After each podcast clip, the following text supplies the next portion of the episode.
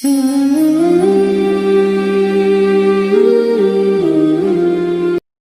bukan tentang asmara tetapi yang kita bicarakan tentang sesuatu yang hari ini hilang dalam kehidupan denyut dalam kehidupan denyut kaum muslimin yaitu adalah persaudaraan ketika kita sudah sering berpisah antara satu kelompok dengan kelompok yang lainnya.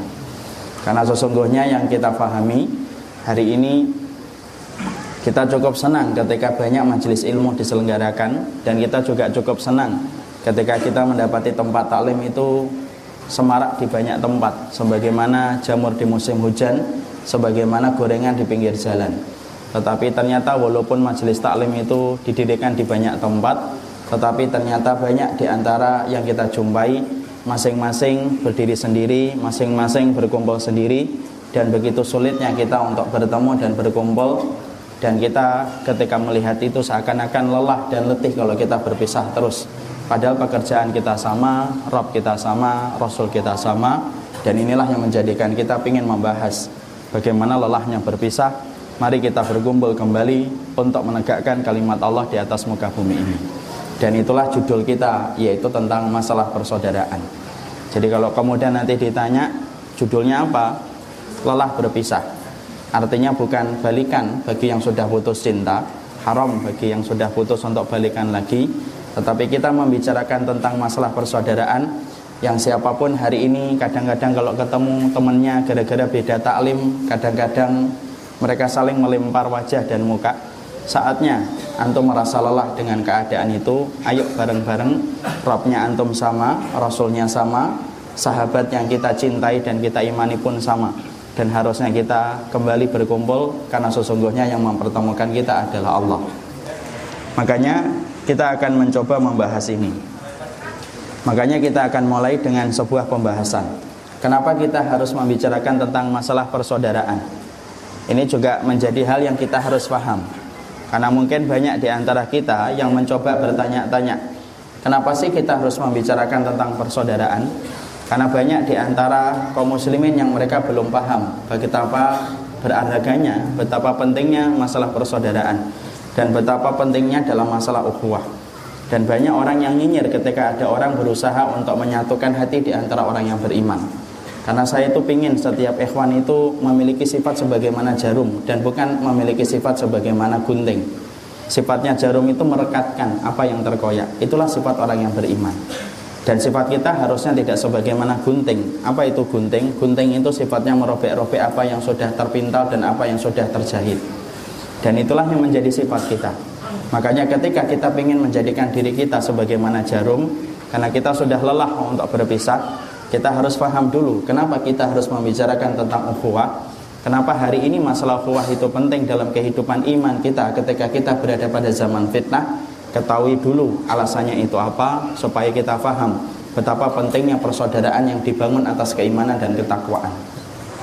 Makanya saya akan menyampaikan kepada antum Ketika kita melulu membicarakan tentang ukhuwah, setidaknya ada banyak alasan kenapa kita membutuhkan ukhuwah. Dan itu harus kita pahami dan harus kita mengerti alasan terbesar kenapa kita membutuhkan persaudaraan di dalam kehidupan kita beriman kepada Allah. Yang pertama, alasan yang besar itu adalah karena sesungguhnya ukhuwah dan persaudaraan itu merupakan barometer keimanan. Makanya orang ketika semakin dia beriman, maka semakin dia akan mudah untuk bersaudara. Makanya Allah menyampaikan di dalam surat Al-Hujurat, "Innamal mu'minuna ikhwah." Sesungguhnya orang yang beriman itu adalah mereka yang bersaudara. Di sini Allah menyebutkan dengan adatul hasar, pembatas dengan kata innama. Innama itu artinya adalah sesungguhnya hanyalah orang yang beriman yang mereka itu bersaudara. Berarti di sini kita paham Semakin tinggi barometer iman seseorang, semakin mudah dia bersaudara. Makanya antum tidak pernah jumpai orang yang paling mudah bersaudara di atas muka bumi ini kecuali adalah Rasulullah Shallallahu Alaihi Wasallam. Nabi begitu mudah bersaudara kepada siapa pun yang belum pernah dia kenal, kepada siapa pun yang belum pernah dia ketahui. Tetapi Rasulullah ketika tahu bahwasanya dia telah beriman, pasti kita mendapati Rasulullah itu adalah orang yang paling cepat menganggap siapa pun itu adalah saudaranya karena Rasulullah itu adalah orang yang paling tinggi imannya dalam kehidupan manusia. Makanya inilah yang menjadikan kita memahami kalau ada orang di dalam hatinya terdapat sifat membenci kepada mereka yang beriman kepada Allah dan Rasulnya Salah satu jawaban kenapa hati kita penuh dengan rasa benci kepada mereka yang beriman dan bersyahadat kepada Allah dan Rasulnya? Kepada mereka yang mengikuti para sahabat yang berjumlah 100 sampai 120 ribu sahabat yang pernah hidup pada zaman Rasulullah kalau ada orang yang hatinya penuh dengan kebencian pastikan sesungguhnya barometer, barometer imannya sedang redup dan itulah yang menjadikan dia tidak bisa menyayangi di antara orang yang beriman. Makanya inilah yang menjadikan kita kalau antum semakin bersih hatinya Orang kalau semakin bersih hatinya itu kayak bayi gitu akhi. Bayi itu masya Allah ya. Kalau kita ngelihat bayi, bayi itu apa saja saja disenengin orang. Ketawa kita ikut gembira. Nangis kita ikut ketawa. Padahal dia sedang nangis. BAB kemudian kita menganggapnya itu lucu. Kenapa? Karena sesungguhnya bersih mereka hatinya sampai akhirnya menjadikan bayi itu disenangi setiap orang. Bahkan ketika bayi itu mulai berjalan, antum dapati Orang yang paling gampang untuk saling bersatu walaupun mereka barusan bertengkar itu siapa? Anak-anak. Anak-anak itu biasanya bertengkar ketika memperebutkan cilok 5 menit sebelumnya. Setelah itu, setelah ciloknya sama-sama dapat selesai. Walaupun sebelumnya saling cakar-cakaran dan tarik-tarikan rambut. Karena mereka hatinya bersih. Mereka tidak punya hati di dalam hatinya itu rasa untuk membenci. Makanya anak-anak itu kalau kemudian bermusuhan tidak ada yang lama Pernah nggak antum dapati anak kecil gitu di pojok ruangan? Ngapain nak? Saya itu benci sama dia. Tidak pernah. Kalau anak antum ada yang kayak gitu harus dirukyah. Sekalian bapaknya juga. Karena kemudian tidak ada kayak gitu. Anak-anak tidak ada yang kemudian menyimpan kebencian di dalam hati itu sampai ke ubun-ubun itu tidak ada. Kalaupun bertengkar sebentar, kemudian setelah itu dia kembali membaik. Kenapa? Hatinya bersih. Dan hati yang bersih itu tidak punya tempat untuk membenci kepada mereka yang ada di sekitarnya. Kalau orang yang beriman kepada yang beriman. Makanya kemudian kalau saya lagi marah sama anak saya Misalkan saya marah sama anak saya Kemudian karena anak saya melakukan kesalahan Kata-kata saya tinggi Mungkin dia nangis tapi setelah itu 10-15 menit anak saya sudah lumer kembali, sudah kemudian dekat kembali kepada saya.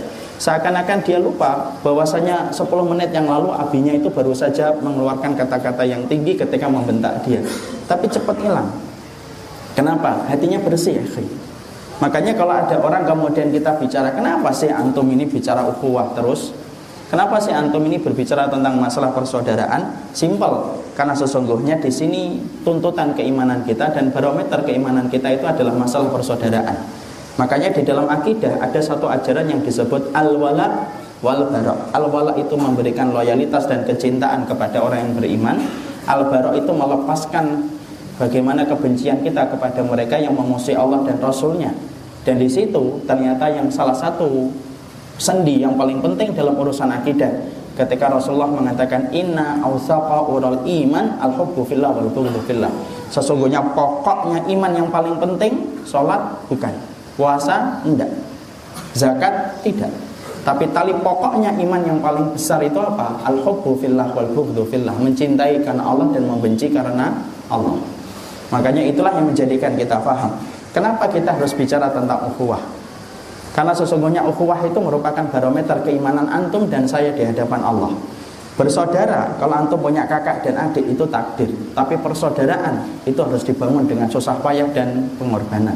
Kalau bersaudara, kita punya kakak dan adik, kita punya paman itu bersaudara, itu takdir. Tapi kalau persaudaraan itu sulit. Kalau hati kita tidak betul-betul beriman kepada Allah, sulit kita kemudian akan menjadi orang yang bersaudara. Dan itulah yang menjadikan kita paham kenapa kita membicarakan tentang persaudaraan dan ukhuwah karena karena dia merupakan barometer keimanan.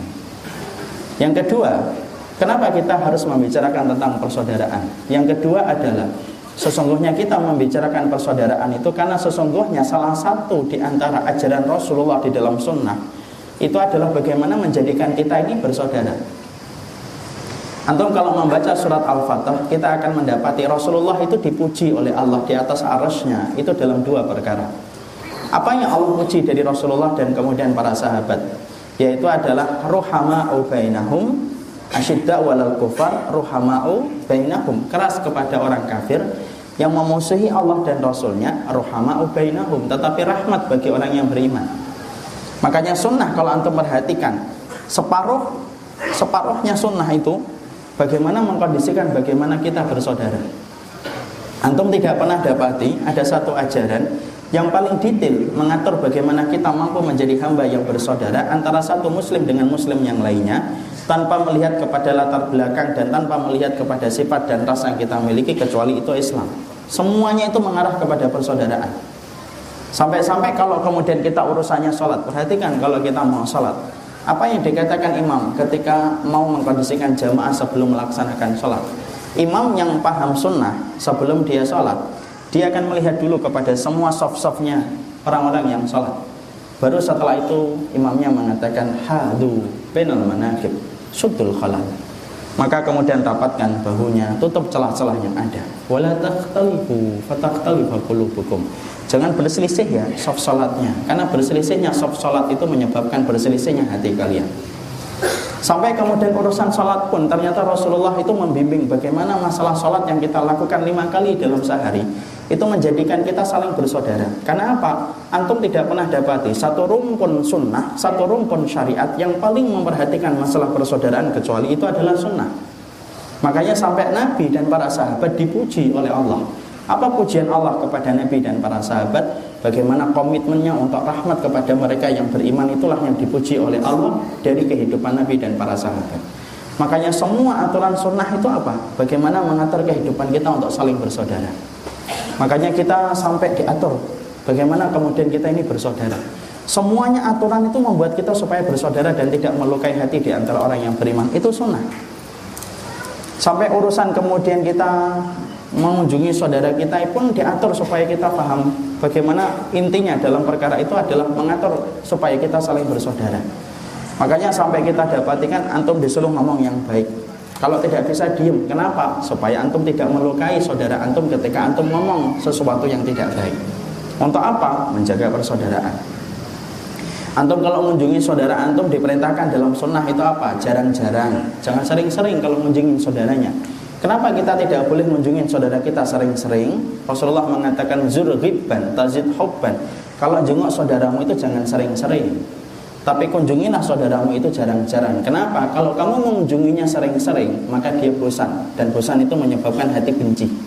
Kalau mengunjungi saudaranya jarang-jarang. Karena kalau kita jarang, itu akhirnya tumbuh, tumbuh rasa kangen, tumbuh rasa cinta.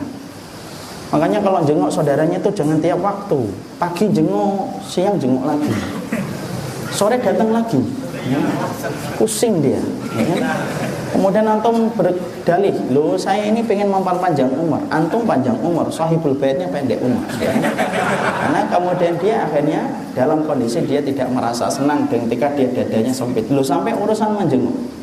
Bahkan antum dapati sampai-sampai kita mendapati urusan masak dan ini sudah sering sampaikan sampai urusan masak saja dalam sunnah diatur bagaimana masakan kita bisa menyebabkan hati kita bersaudara dengan tetangga kita.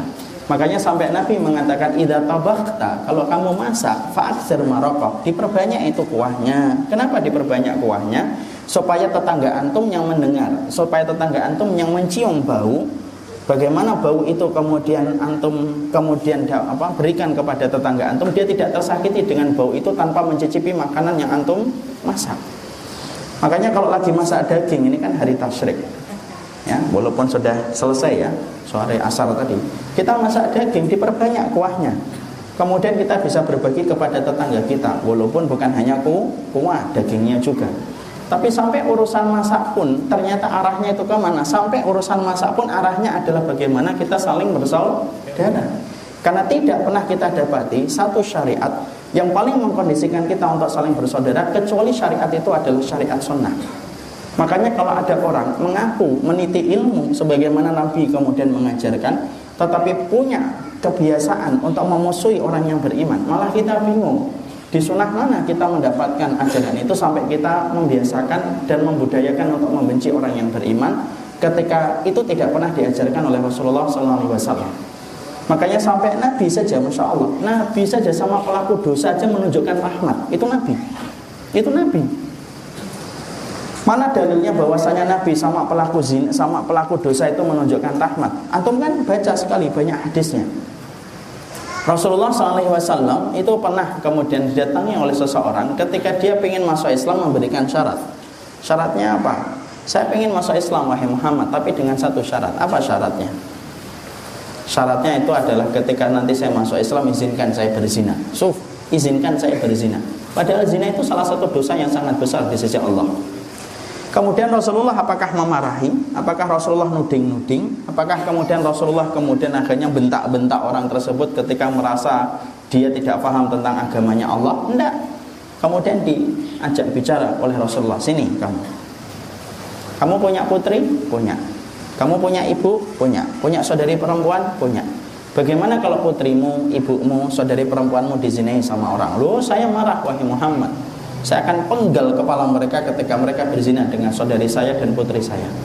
Kemudian Rasulullah lembut berkata, begitu juga orang lain. Mereka pun tidak rela apabila putrinya, saudarinya, ibunya kamu zinai.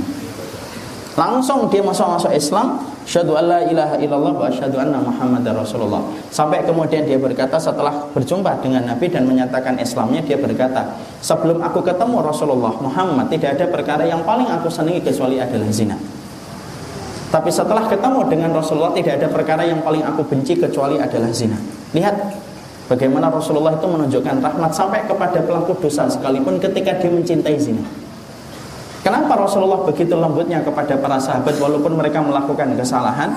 Karena Rasulullah tahu bahwasanya di antara fungsi diturunkannya beliau itu adalah menyempurnakan kehidupan persaudaraan dan membangun persaudaraan di antara orang yang beriman. Makanya antum tidak pernah dapati orang yang paling menjaga hati kecuali itu adalah Rasulullah. Dan antum tidak pernah dapati roh yang paling menjaga hati kecuali adalah Allah.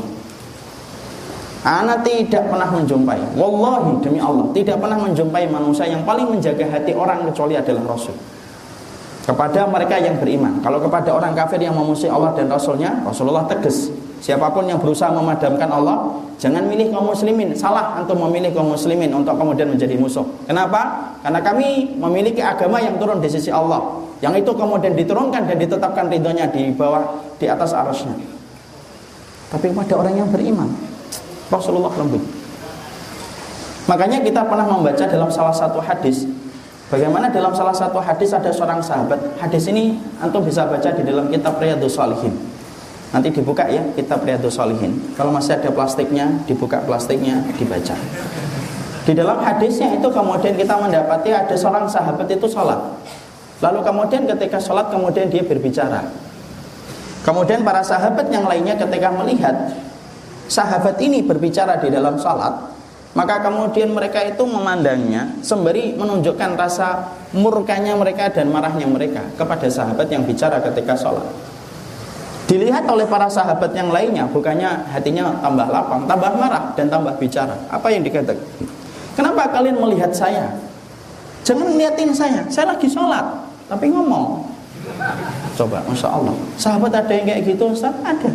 Karena hadisnya sahih. Maka kemudian akhirnya yang di belakang itu ribut gitu. Rasulullah itu masih sholat. Masya Allah, itu bisa bayangkan Nabi, Rasul yang ditetapkan oleh oleh ridhonya Allah dan kemudian menjadi manusia yang paling utama yang Allah turunkan kepadanya syariat itu sholat di depan itu. Mendengar para sahabatnya ada yang ngomong kayak gitu. Sahabat tadi yang belum tahu tentang fikih sholat itu kembali semuanya berbicara. Juga jangan ngeliatin saya. Sudah kalian perhatikan sholat kalian saja. Masya Allah. Setelah selesai Assalamualaikum Assalamualaikum Mungkin kita akan menduga Rasulullah akan marah-marah Khutbah panjang Menerangkan tentang sholat Enggak Rasulullah itu kemudian berkata Innama sholat Hiya tasbihun wa tahmidun Sesungguhnya sholat itu tasbih dan tahmid Dimulai takbiratul ikhram Ditutup dengan taslim salam Dan tidak boleh ada pembicaraan manusia ketika kita lagi sholat tanpa Rasulullah kemudian menohok kepada orang yang tadi bicara. Sampai sahabat tersebut ketika mendengar perkataan Rasulullah dia baru tahu kalau itu salah. Makanya sampai sahabat ini berkata, saya tidak pernah menjumpai mu'alim guru yang terbaik yang kemudian pernah dilahirkan manusia kecuali adalah Rasulullah Sallallahu Alaihi Wasallam. Sampai sampai ketika mengingatkan beliau ketika jatuh dalam kesalahan, Rasulullah menunjukkan bagaimana kasih sayangnya yang begitu besar, walaupun dia melakukan dosa ketika bicara dalam salat. Makanya inilah yang menjadikan kita harusnya paham. Orang kalau ngikutin Nabi, ikhwan, antum tidak pernah dapati manusia yang paling memperhatikan masalah persaudaraan kecuali adalah Rasulullah Sallallahu Alaihi Wasallam. Makanya Nabi kalau mendapati ada muhajirin dan ansor sampai mau bertengkar, tidak pernah kita dapati. Orang yang paling marah ketika ada celak yaitu perpecahan dan permusuhan di antara muhajirin dan ansor kecuali yang marah pertama kali adalah Rasulullah. Makanya sampai kemudian kita mendapati pernah sahabat muhajirin dan ansor itu bertengkar? Ditampar itu kemudian orang ansor itu. Orang ansornya tidak terima dan dia memanggil ya lil ansor. Hei orang ansor saya ditampar Orang muhajirinya ketika mendengar orang Ansor itu memanggil Ansor, tidak terima dia. Kemudian dia berkata, "Ya lil muhajirin, wahai orang muhajirin." Panggilan syar'i, panggilan yang ditetapkan oleh Allah di dalam Al-Qur'an, panggilan muhajirin dan Ansor. Panggilan yang halal, panggilan yang syar'i, panggilan yang sunnah, panggilan muhajirin dan Ansor. Tapi saat itu memanggilnya bukan karena untuk cinta, tetapi memanggilnya untuk permusuhan. Walaupun itu memakai kata muhajirin dan Ansor sampai kepada telinganya Rasulullah. Dan ketika sampai kepada telinganya Rasulullah SAW kemudian Rasulullah marah dan berkata bagaimana kalian tiga kemudian memandangkan dan menghidupkan kembali kalimat-kalimat jahiliyah ketika kalian itu fanatik. Padahal saya masih hidup di antara kalian. Kenapa? karena Rasulullah itu betul-betul mencontohkan kepada kita orang yang paling rahmat bagi orang yang beriman adalah Rasul Makanya kalau kita meniti jalan, jalan itu nyambung kepada Nabi. Kalau kita memeriksa nasab ilmu kita, nasab ilmu kita kembali kepada Nabi, pastikan ikhwan, kenapa kita bicara masalah persaudaraan hari ini? Dan kenapa terus mengulang-ulang masalah persaudaraan yang kita sampaikan dalam setiap kesempatan apabila kita memiliki simple dan sederhana. Karena sesungguhnya persaudaraan itu merupakan bagian dari intinya sunnah yang disampaikan oleh Rasulullah itu Rasulullah itu mempersaudarakan. Makanya Rasulullah itu mempersaudarakan dan Rasulullah tidak pernah memisahkan. Dan itulah yang kemudian terjadi. Rasulullah itu ibarat jarum ikhwan. Rasulullah tidaklah melihat kaum mukminin, muhajirin ataupun ansar, Yaman ataupun Syam. Di mana pun mereka berada, kecuali Rasulullah merekatkan di antara mereka. Karena itulah salah satu di antara tugas beratnya Nabi ketika beliau menyampaikan sunnah dalam kehidupan manusia. Makanya kalau ada orang tidak senang dibicarakan tentang masalah persaudaraan, dicek itu ilmunya nasabnya ke mana karena tidak ada yang membenci masalah ini kecuali adalah satu ilmu yang bukan datang dari Rasulullah Sallallahu Alaihi Wasallam. Kemudian yang ketiga, yang menjadikan kita kenapa harus membicarakan tentang masalah ini? Karena yang ketiga keberkahan itu bersama dengan mereka yang bersama-sama ketika mereka bersaudara. Bukankah Allah menyampaikan Rasulullah menyampaikan yatullahi ma'al jamaah Sesungguhnya tangan Allah itu bersama dengan mereka yang bersama-sama berjamaah itu artinya keberkahan, artinya kemudian Allah memberikan banyak kebaikan. Tangannya Allah betul-betul tangannya Allah kepada mereka yang selalu bersama-sama. Makanya antum perhatikan ikhwan. Nabi ketika masih di kota Mekah, ketika Nabi belum mempersaudarakan antara muhajirin dan ansor, Nabi belum diberikan kemenangan. Nabi melewati setiap kehidupan dengan sabar. Itu Nabi. Kapan? Ketika Nabi masih di Mekah. Nabi kemudian mendapati ujian hidupnya fasenya itu fase sabar. Itu Rasulullah ketika masih di Mekah. Tapi ketika Nabi kemudian akhirnya beliau itu pergi, yaitu ke hijrah ke Madinah, kemudian mempertemukan antara muhajirin dan ansor. Lihat keberkahannya. Setelah muhajirin ketemu sama ansor, dipersatukan oleh Nabi. Kemudian Salman Al Farisi dengan Abu Dada dan para sahabat dipersatukan antara muhajirin dan ansor oleh Rasulullah SAW. Di situlah keberkahan Allah itu datang. Apa yang terjadi? Perang Badar menang telak. Perang Uhud sering Perang Khandaq menang.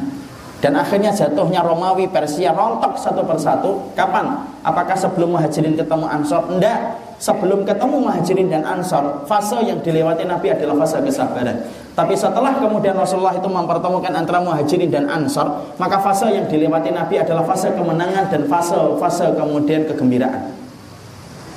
Dan itu yang terjadi kapan? Setelah Muhajirin dan Ansor itu ketemu. Padahal kita paham, ikhwan, Muhajirin dan Ansor itu secara sosial, geografi itu mereka berbeda, secara kultur itu berbeda. Orang Muhajirin, orang yang datang dari Mekah, mereka rata-rata pedagang. Dan mereka tampaknya itu lebih kesal, lebih keras, lebih kasar. Karena kemudian lebih kalau ngomong lebih keras. Orang Madinah itu lebih lembut dan mereka itu rata-rata petani, ikhwan. Tapi Rasulullah mampu mempersaudarakan dan ketika dipersaudarakan oleh Nabi keberkahan-keberkahan itu datang sampai Fathu Mekah saja itu dilalui oleh Rasulullah tanpa ada peperangan. Ketika kapan? Muhajirin dan Ansor itu ketemu. Jadi kalau hari ini saya dan antum sedang melihat bahwasanya kita mengangankan dan berharap kemenangan Islam itu datang, tetapi kemudian kita tidak punya komitmen untuk mempersaudarakan di antara orang yang beriman, tidak akan datang itu kemenangan dan tidak akan datang fajar kemenangan itu dalam datang kehidupan kita ketika kemudian kita tidak mengkondisikan umat supaya mereka saling bersaudara. Tidak bisa menang sendirian. Dan Rasulullah sudah menyampaikan agama ini salah satunya akan ditegakkan di tangan orang-orang yang fajir. Makanya kemudian sampai kita berumpun bersama dengan orang-orang yang semacam itu. Makanya keberkahan itu bersama dengan mereka yang bersama-sama Makanya sampai kemudian kita menjumpai, kalau kemudian kita perhatikan Imam Ibn Taimiyah ikhwan. Kalau antum membaca fikih dakwahnya Imam Ibn Taimiyah, antum mendapati Imam Ibn Taimiyah itu saat beliau masih hidup, beliau menghadapi musuh besar yaitu bangsa Tartar. Yang dipimpin oleh siapa? Genghis Khan. Maka kemudian ketika Ibn Taimiyah itu kemudian menghadapi musuh yang besar Tartar, Tartar ini menggerogoti satu persatu wilayahnya kaum muslimin. Saat itu Imam Ibn Taimiyah itu madhabnya apa? Hanabilah, Imam Ahmad bin Hanbal. Ada kemudian gesekan antara pengikut Imam Ahmad bin Hanbal dengan kalangan siapa? Asy'ariyah. Kalangan Asy'ariyah. Tapi perhatikan bagaimana Imam Ibn Taimiyah itu, walaupun kemudian beliau itu mungkin agak berbeda dengan beberapa pemikiran orang Asy'ariyah, perhatikan bagaimana komitmennya Imam Ibn Taimiyah itu untuk bersaudara. Beliau mengatakan di dalam Majmu' Fatawa, wal ma'lum annana bainal hanabilah wal asyariyah wasyatun wa munafaratun. Wa ana kuntu min a'dhamin nasi ta'lifan li qulubil muslimin. Saya tahu kita mengerti semuanya. Antara hanabilah dengan asyariyah terjadi gesekan. Tetapi saya adalah orang yang berkomitmen bagaimana mempersatukan hati di antara orang yang beriman Kenapa pada saat itu Imam Ibn Taimiyah punya hasrat yang besar untuk merangkul kalangan kaum muslimin, salah satunya kalangan Asyariah. Padahal salah satu yang memfitnahnya Imam Ibn Taimiyah itu adalah kalangan Asyariah yaitu Ibnu Makhluf. Sampai kemudian menjadikan Ibnu Makhluf itu masuk di dalam penjara. Sampai menjadikan Ibn Taimiyah itu masuk penjara.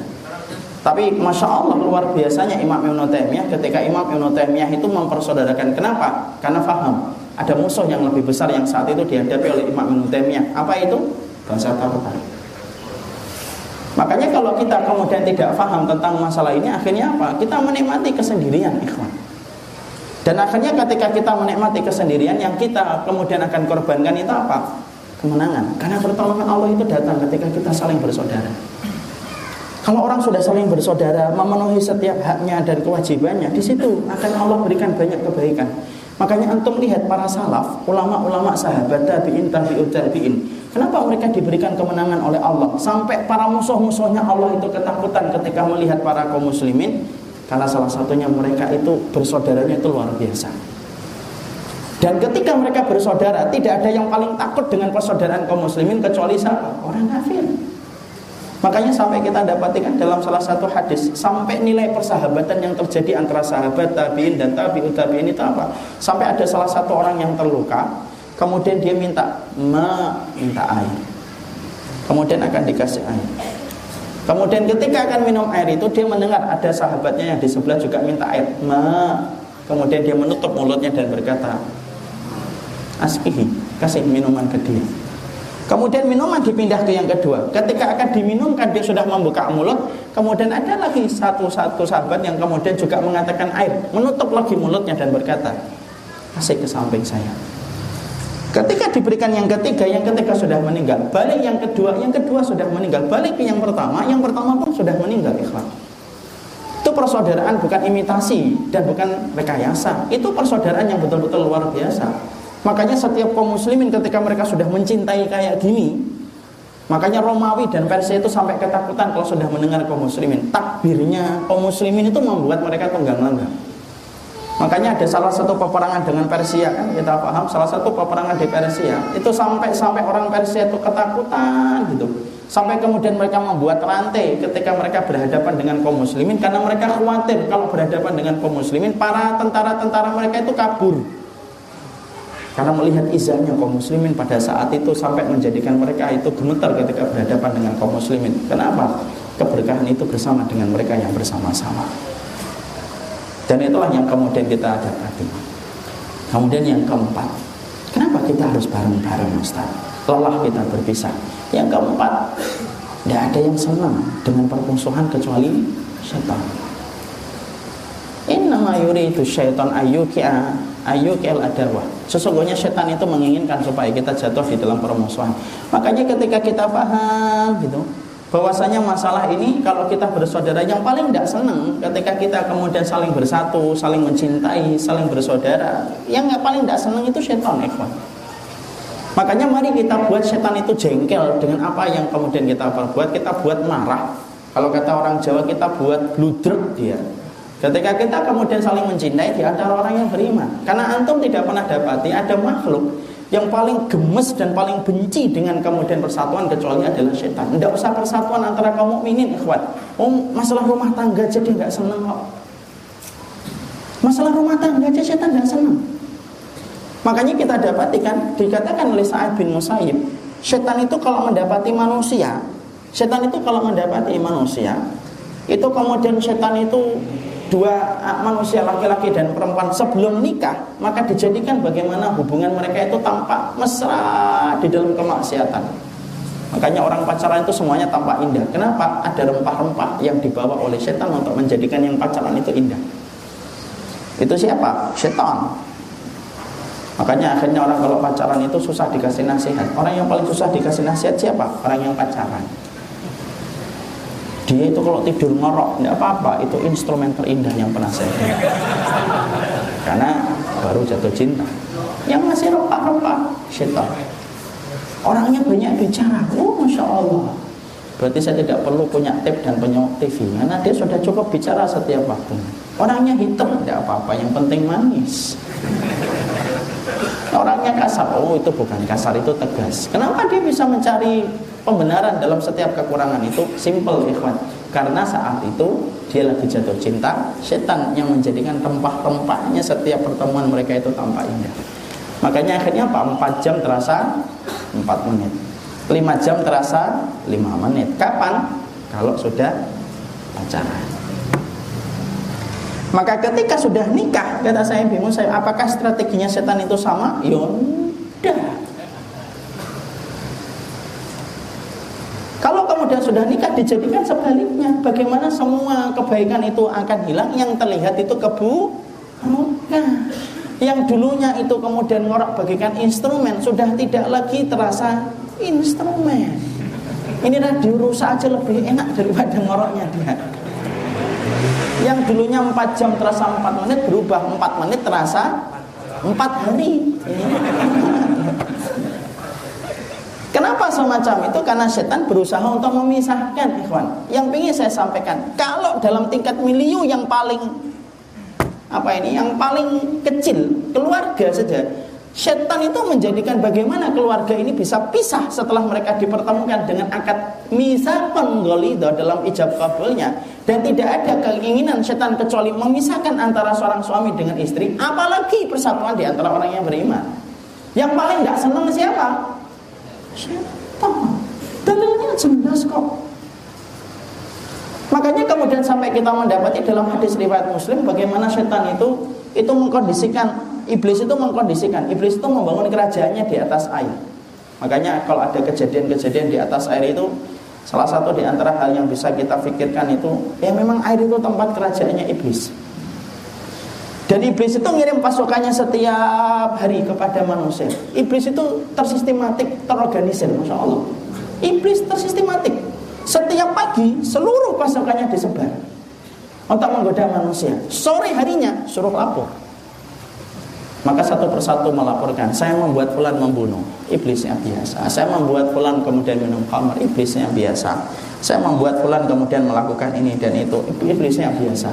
Tapi sampai ada satu setan yang berkata, aku menggoda fulan hatta taraktuhu wa farraqa zaujatahu. Aku meninggalkan fulan sampai fulan itu kemudian akhirnya menceraikan istrinya. Langsung iblis itu berkata, "Nikmat syaitan anta." Bagus, setan yang paling bagus itu kamu. Masya Allah, itu setan. Yang ingin saya sampaikan, kalau dalam tingkat miliu yang paling kecil saja, ternyata setan berusaha untuk memisahkan sama ikhwan. Dalam kehidupan kita hari ini pun sama bahwasanya yang berusaha untuk memisahkan kita sampai tidak bisa mencintai hanya karena satu dua perbedaan kemudian kita saling membenci saling kemudian kita ini matanya saling melotot kemudian kita saling bertegang di dalam kita berinteraksi itu maka sesungguhnya itu setan Makanya inilah yang menjadikan komitmen besar orang yang beriman. Kenapa kita berusaha betul untuk mengembalikan umat kembali supaya umat itu kembali bersaudara? Simple dan sederhana. Tidaklah kita pingin untuk bersaudara karena kita paham membuat jengkelnya setan itu mendapatkan pahala yang besar. Jadi kalau antum dan saya bersaudara kayak gini, kemudian habis ini antum saling ini bersaudara gitu, habis ini saling kenalan ya Pak. Di sampingnya namanya siapa? Kemudian setan itu jengkelnya luar biasa. Dan membuat jengkelnya setan itu berpahala. Tapi tidak usah kemudian kita ini ya, eh setan kasihan deh lo tidak usah gitu. Tapi di situ kita mendapati bahwasanya itulah di antara perkara yang menjadikan kita kalau kita ditanya kenapa sih kita saling bersaudara? Ini loh yang keempat alasannya karena kita paham bahwasanya perpisahan, permusuhan itu merupakan sesuatu yang dibenci oleh iblis. Maka sesungguhnya persatuan itu sesuatu yang dibenci oleh iblis Karena kemudian kita paham bahwasanya ketika kita hatinya saling mencintai Mudah untuk memaafkan sebagaimana anak kecil ketika dia bertengkar Dia mudah untuk memaafkan Maka wallahi Ketika setan itu jengkel, berarti setan dari kalangan manusia pun jengkel ketika menghadapi persatuan dan kebersamaan. Makanya kan sampai kita menjumpai ikhwan Belanda dulu ketika mencoba untuk menimpakan yaitu fitnah kepada kaum muslimin apa yang terjadi? Untuk audio yang akhwat nggak dengar suara. Oh, saya. apa? Jamaah sebelum maju di, apa, di luar banyak. Ya, Karena suaranya untuk akhwat tidak kedengaran jadi saya pakai mic ini dan kodarullah ada saudara-saudara kita yang berdiri mana persaudaraan kita akhir kita tidak tega mendapati mereka berdiri. Ayo maju ke depan yang di sini. Beliau kemudian biar masuk.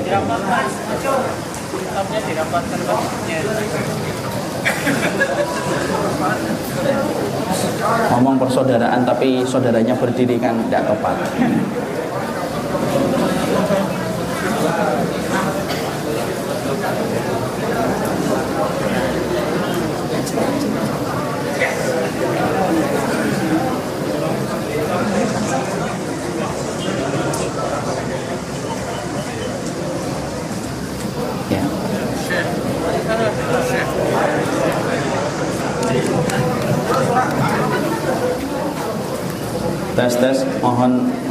panitia uh, coba memastikan akhwat yang belakang sudah mendengar atau belum. Sudah? Sudah alhamdulillah. Alhamdulillah. Yang jawab ikhwan ya masya Allah ya. yang saya tanya akhwat masya Allah ya. Brebes itu memang istimewa. Kita lanjutkan sebentar. Makanya di situlah kita akhirnya paham kenapa kita di dalam kehidupan ini akhirnya kita ingin sekali untuk menjalin persaudaraan. Sebagaimana mukadimah yang tadi saya sampaikan. Ayo kita menjadi jarum yang bisa merekatkan. Karena sesungguhnya masalah persaudaraan yang hari ini banyak orang itu ngeremehin. Yang banyak orang itu mencoba untuk mendudukkan masalah persaudaraan itu seakan-akan tidak butuh dan tidak penting. Pastikan akhi. Karena sesungguhnya kenapa kita ngotot dan terus membicarakan tentang masalah mari kita bersaudara, mari kita bersaudara, maka sesungguhnya karena kita ingin membuat jengkelnya setan. Dan kalaulah jengkelnya setan itu berarti setan dari kalangan manusia pun akan jengkel ketika mendapati adanya kebersamaan di antara orang yang beriman. Makanya simple ikhwan. Antum dapati Belanda ketika dulu menjajah Indonesia sampai dia bertahan ketika dia menjajah itu kan salah satunya apa? Salah satunya membuat DVD et en impera Bagaimana politik belah bambu? Ada yang diangkat, ada yang diinjek. Ada yang disayang, ada yang ditekan. Dan itulah yang akhirnya menjadi apa? Api dalam sekam Bom dalam waktu Yang akhirnya kemudian membuat orang tidak mampu bersatu Tidak mampu bersama.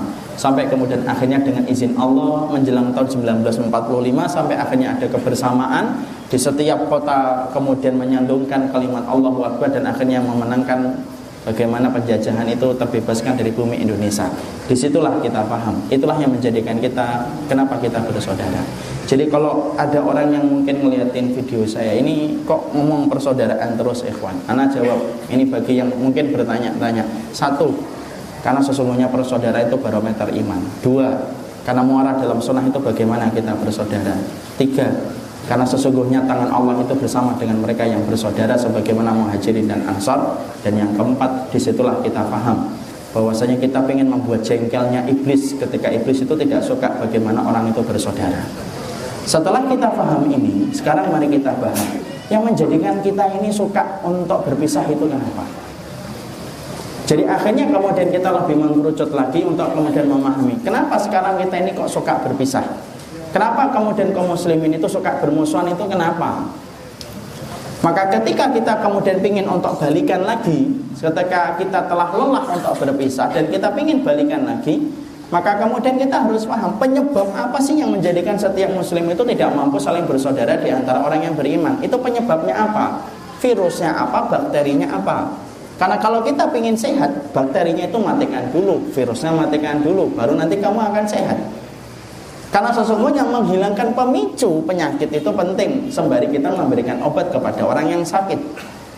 Makanya ketika kita sudah sepakat kenapa kita kemudian harus bersaudara? Dan tadi kita sudah menyampaikan empat alasan robbani kenapa kemudian kita harus bertemu dan kita harus lelah berpisah supaya kita saling bersaudara kembali. Kita juga harus paham pemicu yang menjadikan kita tidak mampu bersaudara itu apa saja kalau kalau kita tidak paham tentang pemicu yang menyebabkan kita berpisah dan akhirnya bermusuhan, bisa jadi kita membahas itu, membahas persaudaraan kita selesai malam ini, tapi bisa jadi dua hari, tiga lagi, dua hari lagi, tiga hari lagi kita akan bermusuhan lagi ketika tidak paham pemicu masalah permusuhan itu apa saja.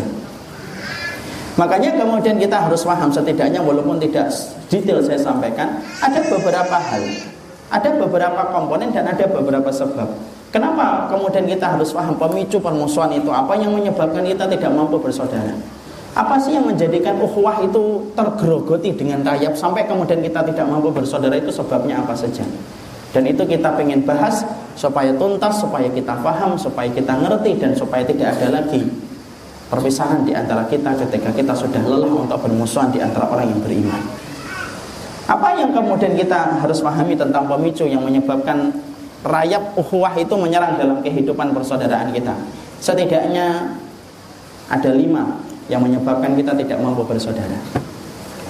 Apa yang menyebabkan kita tidak mampu bersaudara? Yang pertama, karena sesungguhnya kita tidak mampu untuk saling bersaudara itu apa? Pertama, karena kita tidak memahami perbedaan para ulama dan ketika tidak memahami perbedaan para ulama itulah yang menjadikan kita gampang bermusuhan satu dengan yang lainnya.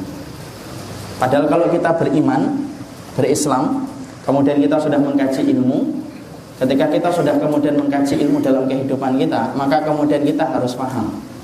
Kita harus memiliki pemahaman tentang perbedaan para ulama dan bagaimana para ulama itu berbeda pendapat.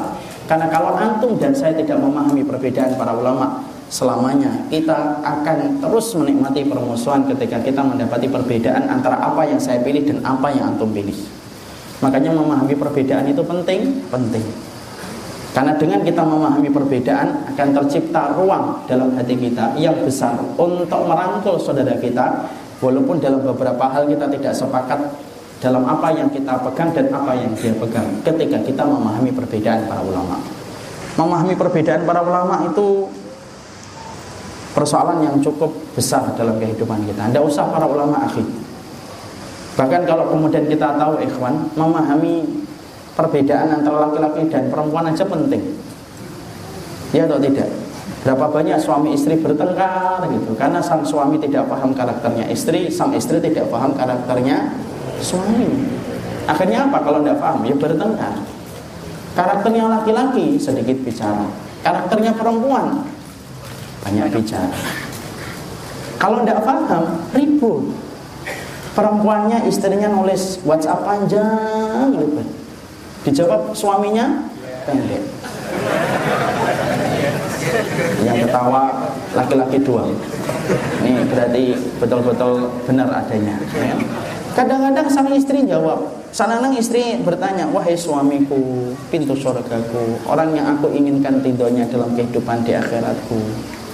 Lagi di mana? Dijawab sama suami pendek. Dibaca, pendek. KTR kantor. Ya kan?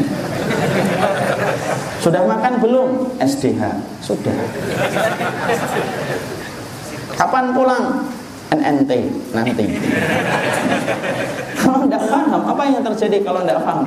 Kalau kemudian tidak paham akhirnya kemudian istrinya tidak mau lagi WhatsApp. Marah. Pulang ke rumah, suaminya tidak ngerti apa-apa, buka pintu, istrinya cemberut. Kemudian ngomong makan atau nasi atau masak atau tidak, lihat aja. Dia meja makan, tidak ada. Ini kenapa istri saya? Kemudian sang suami tidak paham, sang istri tidak paham. Bisa bertengkar? Bisa bertengkar. Makanya kemudian laki-laki sampai kemudian Allah menyampaikan walisad dzakaru kal unsa laki-laki itu tidak sama dengan perempuan. Lu memahami antara laki-laki dan perempuan aja kemudian kita harus paham kok. Kalau tidak ingin banyak pertengkaran.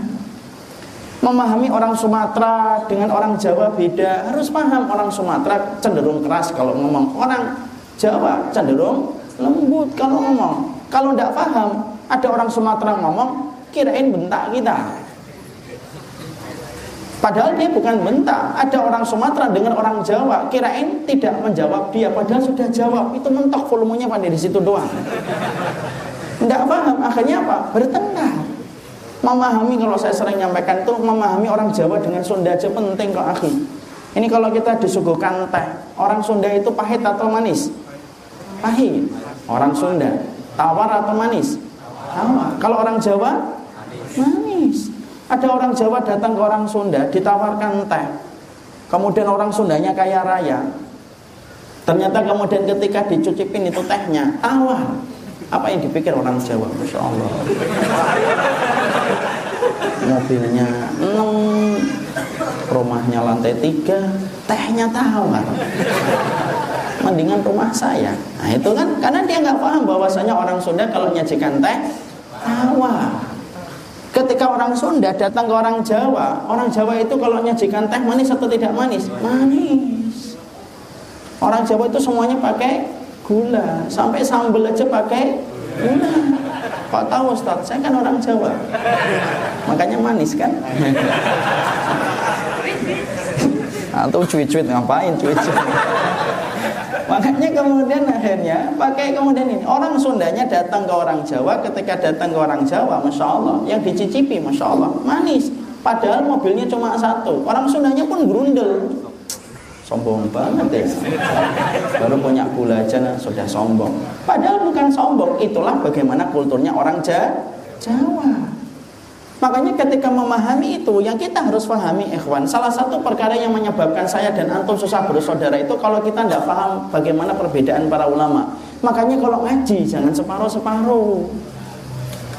Yang mengaku bermadhab kepada syafi'i Belajarlah Imam Syafi'i dari bawah sampai atas. Kalau mengaku bermadhab Imam Hanambila Imam Ahmad bin Hambal Pelajarilah Imam Ahmad bin Hambal dari bawah sampai atas Lalu kemudian kita memahami perbedaan-perbedaan mereka. Karena apa? Kalau perbedaan itu kemudian tidak difahami dengan kacamata yang benar, yang kita khawatirkan gesekan-gesekan yang dulu sering kita dapatkan dan kita jumpai dari orang tua kita dulu, bisa jadi akan menimpa kita lagi dan menimpa kita lagi gara-gara tidak paham perbedaan. Nanti sholat subuh dijadikan standar. Ini saudara dia atau dia? Tidak. Kalau sholat subuhnya pakai kunut, nah ini saudara saya. Kalau tidak pakai kunut, ah ini bukan saudara saya. Atau sebaliknya. Sampai kadang-kadang dulu ya, ini maaf ya saya harus menyebutkan nama, tapi kita sebutkan nama karena kita ingin untuk paham. Sampai dulu itu kalau kita kemudian saya waktu SD sekitar tahun 90-an. Saya kan anak 90. Kalau antum-antum mana anak 80-an mungkin. Maka kalau tahun 90-an itu sampai-sampai kemudian kita itu masih terbiasa. Anak-anak SD itu tanya Kamu kalau iftitah baca apa? Gabiro NU Kamu baca apa? Allahumma ba'id. MD Sampai kemudian akhirnya gitu terus akhirnya. Kemudian akhirnya seakan-akan kita tidak paham. Kalau ada seorang imam ketika sholat lihat dulu dengar dulu. Bismillahnya dikerasin atau pelan oh pelan-pelan. Oh, MD tapi kalau kemudian dia bacanya kemudian bismillahnya keras bismillahirrahmanirrahim NU.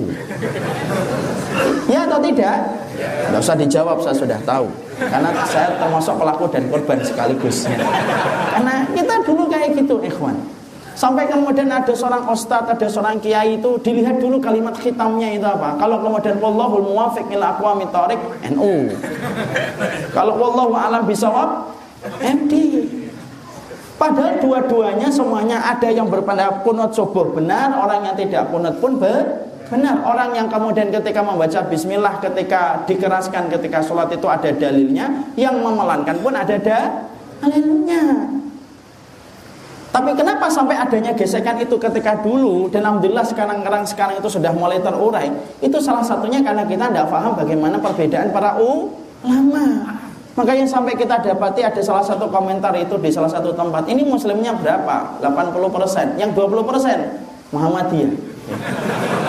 Jadi yang seakan-akan bukan muslim atau sebaliknya. Itu gara-gara disebabkan tidak memahami perbedaan para ulama. Makanya kita harus paham sebab-sebab para ulama berbeda pendapat itu harus ngerti. Kalau kita tidak paham ini, cepat berkata sebelum kita berpikir, cepat ngomong sebelum kita baca kitab. Nah ini loh contohnya ketika akhirnya kita tidak bisa bersaudara ketika tidak paham perbedaan para ulama. Contoh kayak puasa Arafah kemarin. Ada yang puasa Arafah hari Senin, ngikutin wukuf di Arafah. Ada yang puasanya hari Selasa. Banyak nggak yang debat? Banyak. Banyak nggak live group? Banyak lagi. Bertengkar, debat sampai jam 12. Paginya nggak puasa Arafah. Itu kan parah itu parah. Ya kan? Puasa arafahnya sunnah membenci saudara mencintai saudara mukmin itu wajib atau tidak wajib? Wajib. Malah yang sunnah mengalahkan yang wajib. Ketemu di masjid tuh dia sudah puasa ini hari ini. Mana ada puasa. Ini baru tanggal 8 kemudian giliran besoknya loh kan ini sudah id puasa. Mana ada puasa tanggal kemudian tanggal 10 nggak akan ada habisnya ikhwan Makanya salah satu perkara yang kita harus baca dan harus kita mengerti, kita harus paham perbedaan para ulama. Makanya dibaca. Makanya kalau ada kajian, pastikan bahwasanya kajian itu betul-betul membahas tuntas.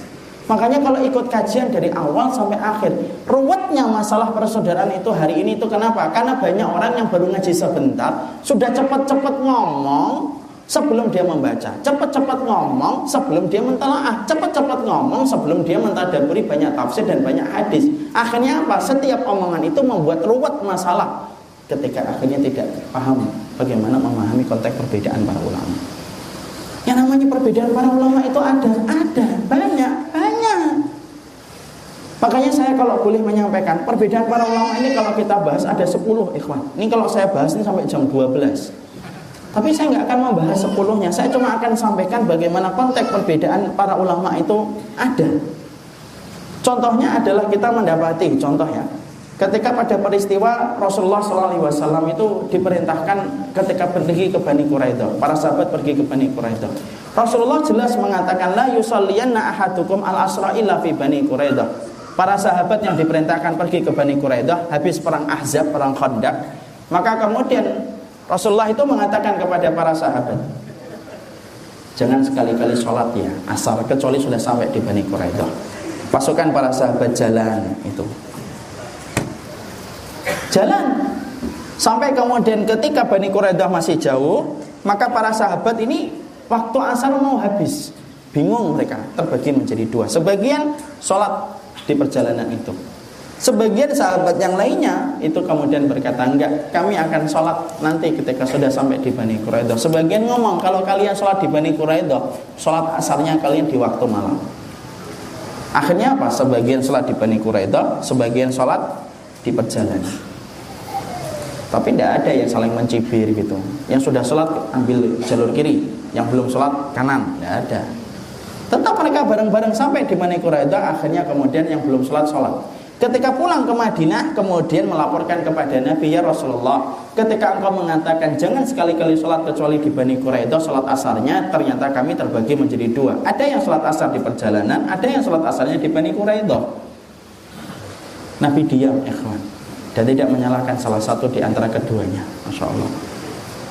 Walaupun para ulama kemudian menguraikan, menjelaskan mana yang lebih benar orang yang sholat asar di perjalanan. Kenapa? Karena sesungguhnya maksud dari perkataan Nabi Jangan sekali-kali sholat asar kecuali di Bani Quraidah. Kalian itu jalannya cepat. Kalau bisa asar sudah sampai di Bani Quraidah. Itu maksud dari perkataan Rasul. Coba kita lihat ikhwan. Hadisnya berapa? Satu. Pemahamannya ada berapa? Dua. Ini kalau antum tidak membuka kitab ikhwan Tidak akan paham tentang masalah ini Makanya akhirnya kenapa kok Imam Malik beda dengan Imam Syafi'i? Padahal gurunya Syafi'i itu Imam Malik. Kenapa Imam Ahmad bin Hambal beda dengan Imam Syafi'i? Karena kemudian kalau kita memahami semacam ini baru kita paham. Kenapa para ulama itu mereka berbeda pendapat itu ya salah satunya semacam ini. Kadang-kadang dalilnya satu, tetapi cara menginterpretasi dalil itu beda. Contoh ikhwan yang lainnya ya. Kita ini kalau habis ruko, maka sebagian dari teman-teman kita dan saudara-saudara kita ada yang kemudian kalau habis ruko sedekap lagi. Ya atau tidak?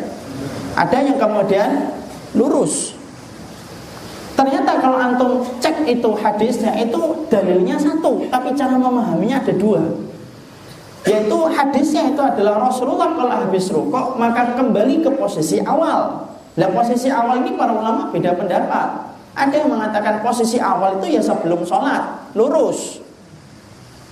Ada sebagian mengatakan enggak, kembali posisi awal itu ya posisi awal sebelum rukuk. Sedekap. Hadisnya berapa? Satu. Tapi kemudian maknanya ada berapa pemahamannya para sahabat? Dua. Makanya kemudian ada yang sholat itu begini, ada yang sholat begini, dan antum tidak usah ngeliatin. Ini kok sedekap sih? Tidak usah dilihatin ya kawan, karena sesungguhnya itu memiliki dalil masing-masing. Sama dengan orang yang menggerakkan dan tidak menggerakkan, ada dalilnya atau tidak? Ada. Makanya kalau antum memilih pendapat tidak menggerakkan, monggo pastikan dalilnya antum paham, antum baca, antum pilih. Kalau ada yang kemudian menggerakkan, pastikan dia juga memilih dalil bukan karena melihat. Kenapa antum menggerak-gerakin? Anak lihat Ustaz menggerak-gerakkan, anak ikut menggerak-gerakkan. Tidak betul. Maka masing-masing memiliki da dalil. Dan ini kalau kita pecah lagi dan kita bagi lagi, ini banyak lagi. Makanya ada seorang ikhwan itu cerita sama saya, Ustaz kalau saya di samping saya itu menggerak-gerakkan, itu saya tidak khusyuk. Anak Rasulullah malah ngapain antum melihatin? udah musuh antum melihatin gitu. tidak usah tapi di situ kita paham bahwasanya perbedaan para ulama itu ada dan salah satunya dalilnya satu tetapi makna ketika menginterpretasi dan mentakwil hadis itu, itu bisa jadi dua. Contoh orang yang ditalak. Orang yang ditalak itu berapa kali masa idahnya akhir ada yang mengatakan tiga kali masa suci ada yang mengatakan tiga kali masa haid.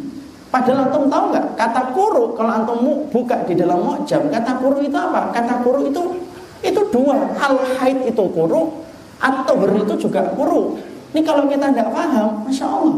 Akhirnya apa? Akan menjadikan setiap perbedaan itu untuk menilai saudara kita dan menistakan saudara kita ketika menjumpai ada perbedaan. Akhirnya apa? Gampang untuk menyesatkan. Padahal tidak ada golongan yang paling gampang menyesatkan kecuali satu orang yang memiliki penyakit khawaris di dalam hati dan jiwanya. Perbedaan itu ada. Contoh lagi yang paling simpel yang sering saya sampaikan di tiap kajian itu kalau sudah membahas tentang masalah perbedaan. Masalah memegang kemaluan. Memegang kemaluan itu batal atau tidak batal? Batal atau tidak? Antum Antum punya di kebayaran ya?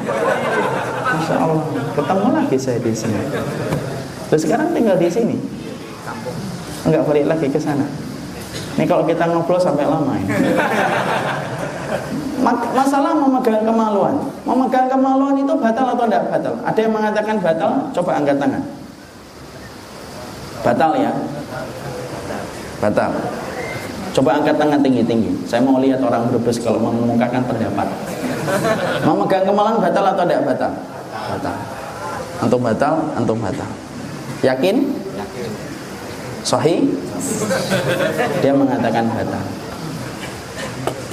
Rasulullah bersabda ketika dalam satu hadis yang sahih Ya Rasulullah kaifa rajulun masadakaruhu Ya Rasulullah bagaimana seorang laki-laki yang memegang kemaluannya Ayun gitu wudhu apakah itu membatalkan wudhu Kemudian Rasulullah berkata La innama huwa atau minka Enggak Memegang kemaluan itu tidak membatalkan wudhu Karena memegang kemaluan itu sebagaimana memegang bagian tubuhmu yang lainnya jadi tidak perlu wudhu ya Rasulullah? Tidak.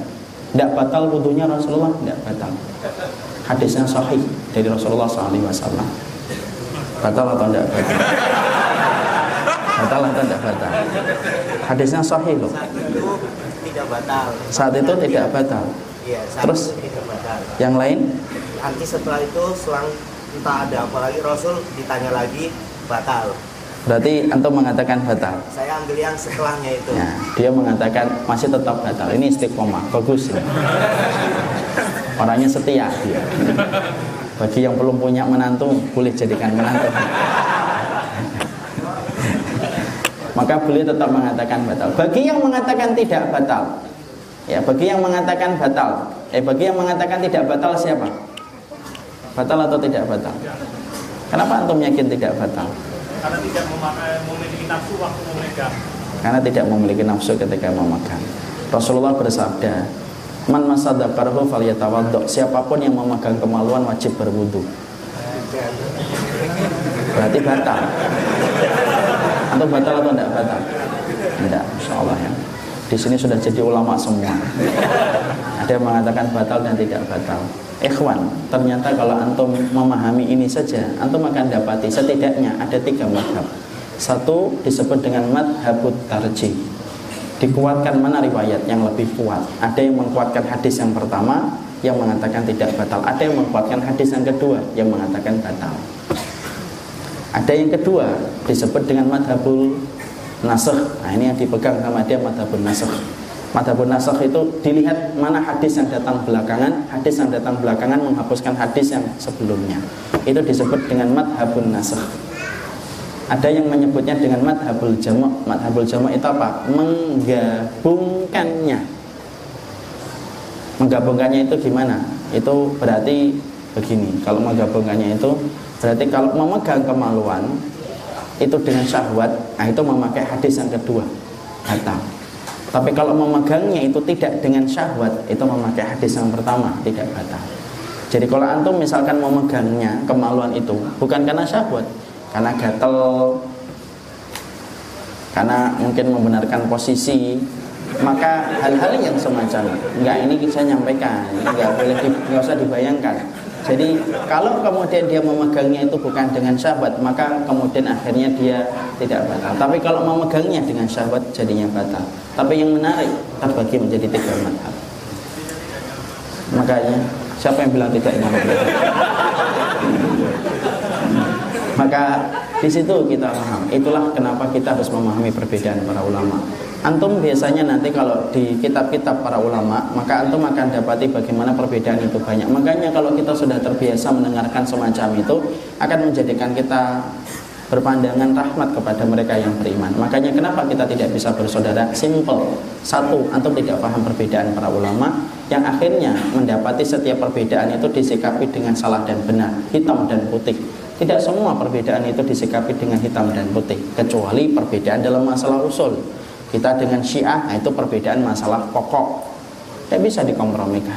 Kita sama Ahmadiyah tidak bisa. Perbedaan kita dengan Ahmadiyah itu jelas masalah pokok. Tidak bisa dikompromikan. Tapi kalau perbedaan itu dalam ranah-ranah yang masih bersifat istihad di antara para ulama, maka sesungguhnya kita dipersatukan dan kemudian kita diberikan untuk rasa menghargai kepada orang yang beriman. Karena perbedaan itu tidak menjadikan kita akhirnya bermusuhan.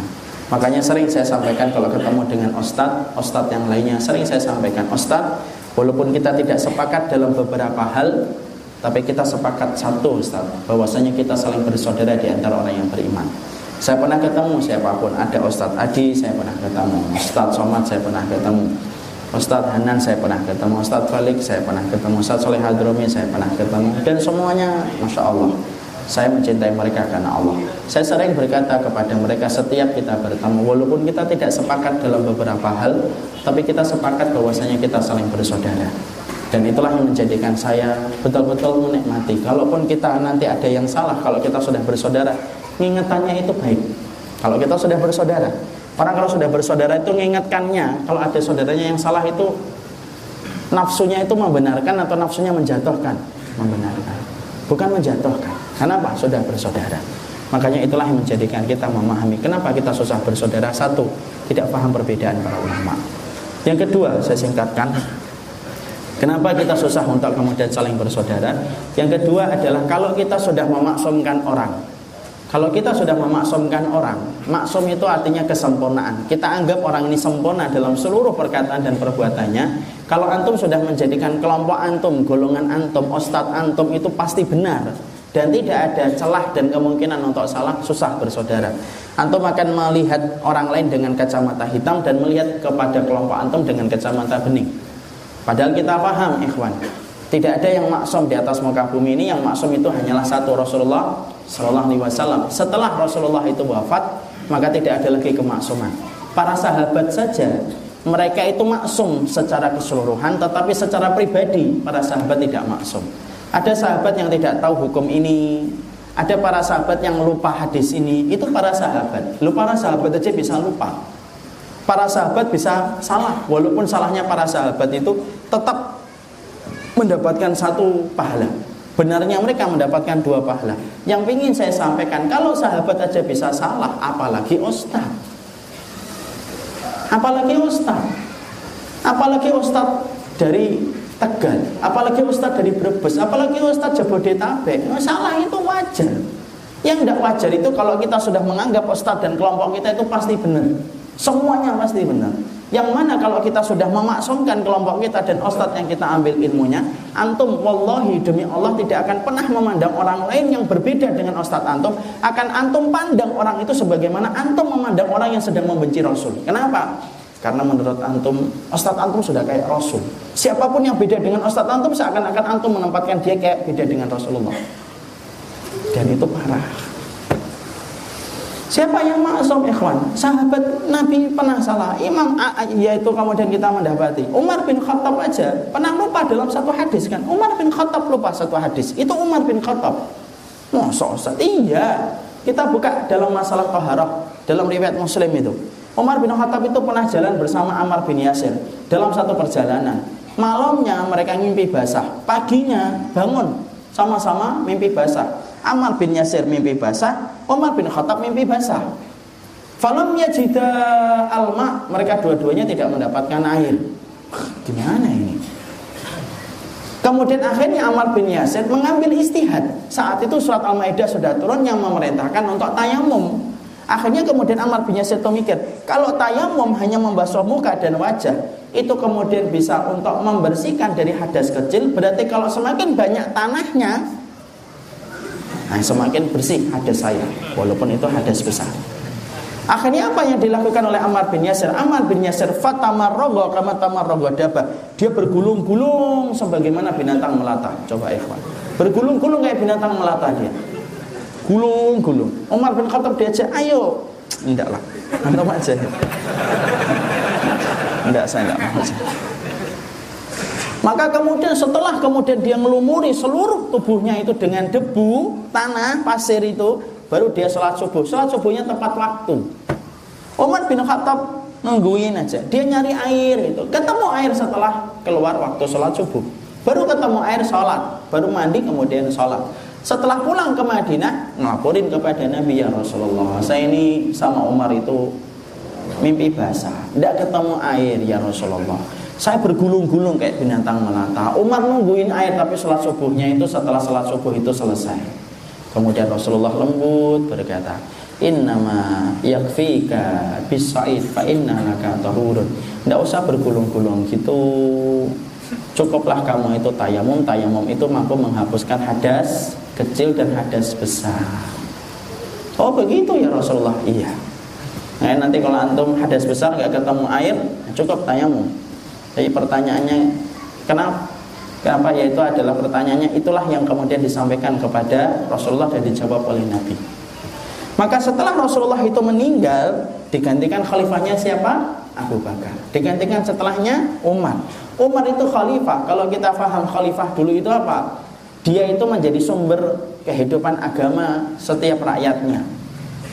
Maka ada salah satu rakyatnya itu datang kepada Umar bin Khattab, "Wahai Umar, saya junub tidak mendapatkan air, wahai Umar." Apa yang saya harus lakukan? Apakah saya bergulung-gulung kayak binatang melata ataukah saya itu cukup tayamum saja?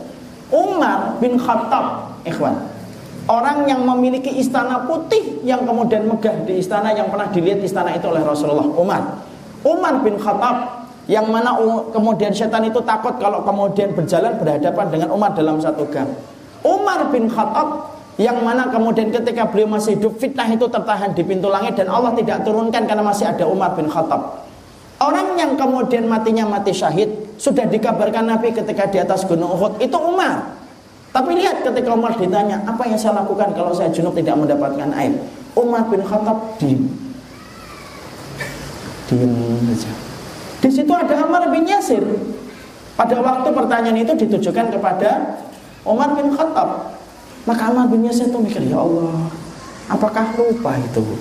Umar bin Khattab memori kita berdua ketika junub gitu kemudian saya binatang saya apa itu bergulung-gulung kayak binatang melata akhirnya Umar bin Yasir memberikan tanda wahai Umar biarkan saya ke situ kemudian diizinkan sama Umar kemudian Umar bin Yasir datang ke depan membisikin kepada telinganya Umar wahai Umar aku kurang lebihnya ngomongnya gini apakah kamu tidak ingat memori kita berdua? Ketika kita dulu pernah junub bareng-bareng enggak mendapatkan air lalu saya bergulung-gulung kayak binatang melata gitu. Antum tahu ikhwan Umar bin Khattab lupa terhadap hadis itu. Umar orang yang paling mulia setelah Abu Bakar. Umar ikhwan yang kemudian matinya mati syahid. Umar yang mendapatkan istana di sisinya Allah yaitu di Firdaus Allah itu Umar ikhwan lupa terhadap hadisnya Sampai kemudian yang mengingatkan siapa? Amar bin Yasir.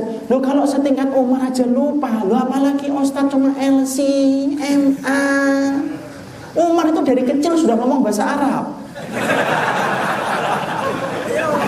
Dari kecil sudah ngomong bahasa Arab. Itu saja Umar bin Khattab itu lupa. Apalagi Ustaz Jabodetabek. Apalagi radionya antum apalagi yayasannya antum, ustadznya antum, halah salah itu wajar gitu loh. Tidak usah memaksumkan.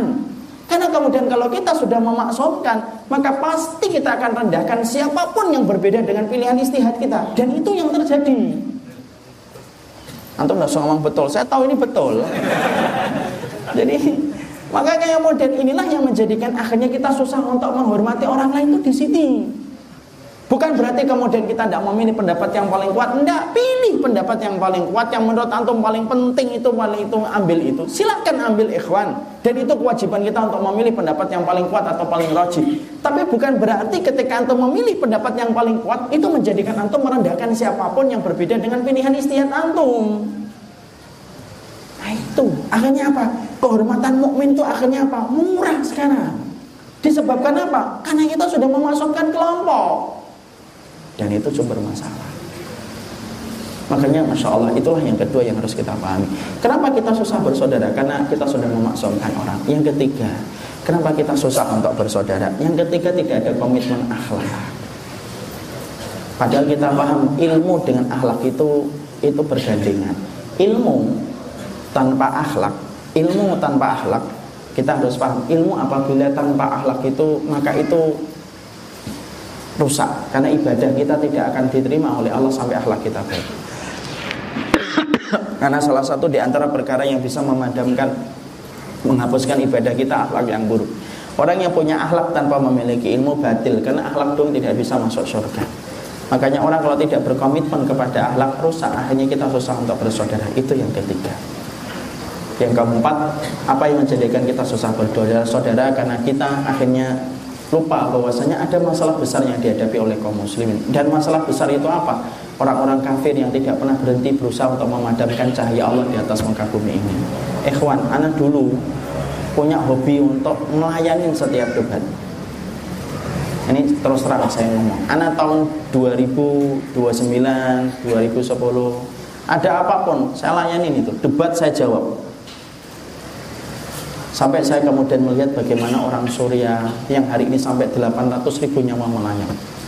Sampai akhirnya mendapati orang Rohingya, sampai mendapati kezaliman banyak di tempat-tempat yang kita tidak pernah mampu membantunya secara maksimal.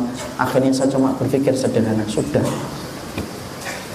Urusan darah kaum lebih penting daripada urusan yang lainnya. Dan itulah masalah yang harusnya kita sadari.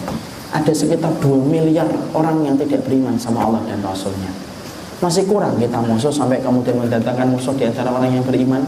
Bukan berarti loh kalau saya mengajak bersaudara, bukan berarti nanti kalau ada yang salah tidak dibenarkan. Enggak, yang salah tetap dibenarkan. Tapi cara membenarkannya itu dengan cara yang bersaudara. Ada ustadz salah, betul. Tapi kalau sudah kenal, enak cara mengingatkannya. Tidak perlu ruang publik, tidak perlu pakai YouTube, tidak perlu pakai video.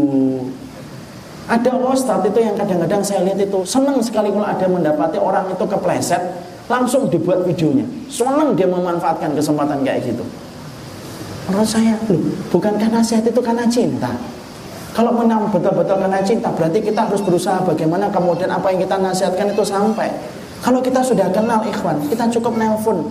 Ustaz, kemarin saya mendengar antum pendapatnya begini, apakah benar atau tidak? Enak, selesai ikhwan. Kenapa? Karena kita sudah mencintai. Makanya kalau kita sudah disatukan dengan walak wal baroknya itu benar. Walak wal barok itu siapa teman dan siapa lawan kita paham. Maka enak yang terjadi. Tapi kalau kita tidak paham walak wal barok, nah itu rusak ikhwan. Akhirnya orang yang jadi teman dijadikan musuh, orang yang dijadikan musuh dijadikan teman karena tidak paham walak wal barok. Makanya kita harus paham siapa temanmu, siapa musuhmu, kita harus paham. Dan itu ada di dalam kitab yang harus kita pelajari. Dan yang kelima, Kenapa kita susah untuk kemudian saling bersaudara? Yang ke terakhir itu adalah sesungguhnya kita sulit untuk saling bersaudara karena sesungguhnya lemahnya keinginan kita untuk saling bersaudara di antara orang yang beriman. Inilah perkara yang ingin saya sampaikan. Jadi inti dari apa yang saya sampaikan dalam kesempatan malam kali ini, kita ini lelah ikhwan berpisah. Ayo kita balikan, ayo kita baik-baik menjadi saudara muslim. Kalau sudah kita nanti menjadi saudara muslim itu bukan berarti kalau antum salah saya diamkan, enggak, saya akan sampaikan. Antum terima, alhamdulillah. Antum belum terima, itu tidak menjadikan kita langsung bermusuhan. Oh, mungkin saya berharap mungkin pekan depan akan diterima. Saya tetap akan selamanya uh, tetap akan bersama dengan antum. Antum dapetin antum, saya dapetin salah. Antum nasihatin saya. Saya tolak hari ini. Jangan buru-buru ninggalin saya bisa jadi mungkin besok saya akan terima bisa jadi lusa saya akan terima itu. Karena apa ikhwan? Kalau semua orang sudah bersaudara karena kita paham ada kristenisasi karena kita paham ada syiah kita paham ada liberalisme kita paham ada sekulerisme kita paham ada komunisme itu sebenarnya sudah pekerjaan berat ini. Dan ini tidak bisa dihadapi sendirian ikhwan.